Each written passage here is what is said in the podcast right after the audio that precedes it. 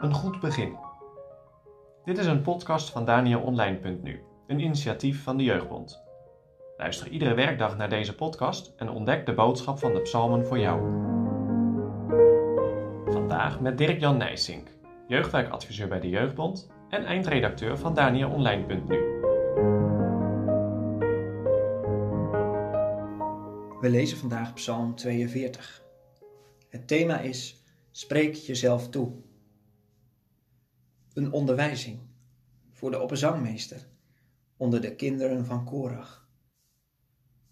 Gelijk een het schreeuwt naar de waterstromen. Alzo schreeuwt mijn ziel tot u, o God.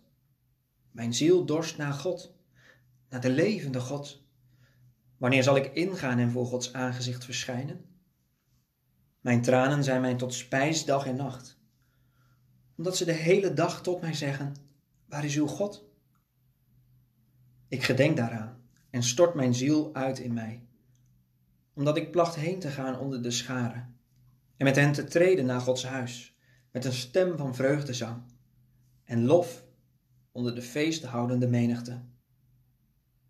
Wat buigt gij u neer, o mijn ziel, en zijt onrustig in mij? Hoop op God, want ik zal hem nog loven voor de verlossingen van zijn aangezicht. O mijn God, mijn ziel buigt zich neder in mij. Daarom gedenk ik aan u, uit het land van de Jordaan, een Hermon, uit het kleingebergte. De afgrond roept tot de afgrond, bij het gedruis van uw watergoten. Al uw baren en uw golven zijn over mij heen gegaan. Maar de Heere zal des daags zijn goede tierenheid gebieden, en des nachts zal zijn lied bij mij zijn, het gebed tot de God van mijn leven. Ik zal zeggen tot God, mijn steenrots, waarom vergeet u mij? Waarom ga ik in het zwart vanwege de onderdrukking van de vijand? Met een doodsteek in mijn beenderen honen mijn, mij mijn wederpartijders, als zij de gehele dag tot mij zeggen, waar is uw God? Wat buigt gij u neer, o mijn ziel? Wat zijt gij onrustig in mij? Hoop op God. Want ik zal hem nog loven. Hij is de menigvuldige verlossing van mijn aangezicht. En mijn God.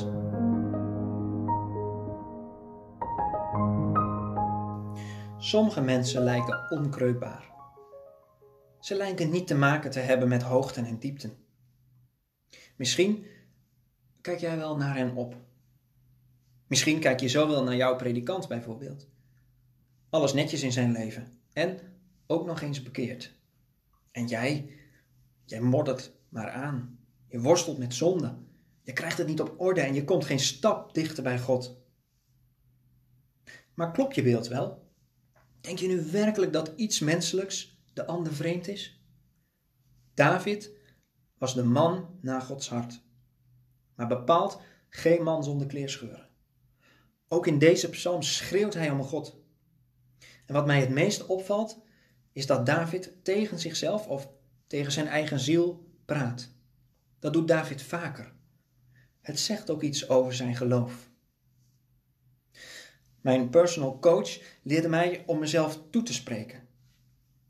Als dingen mij in mijn emoties raken, moet ik proberen mijn gevoelens mentaal te maken. Dat betekent dat ik vragen stel aan mijn emoties. Zijn ze reëel? Heb je er invloed op? Zijn je zorgen terecht? Dat soort vragen. Het helpt. Jezelf bevragen of jezelf toespreken. Ik weet niet of jij dat wel eens doet, maar soms is dat nodig. Zie jezelf onder ogen. Zoek niet de slachtofferrol. Dat is een te makkelijke positie.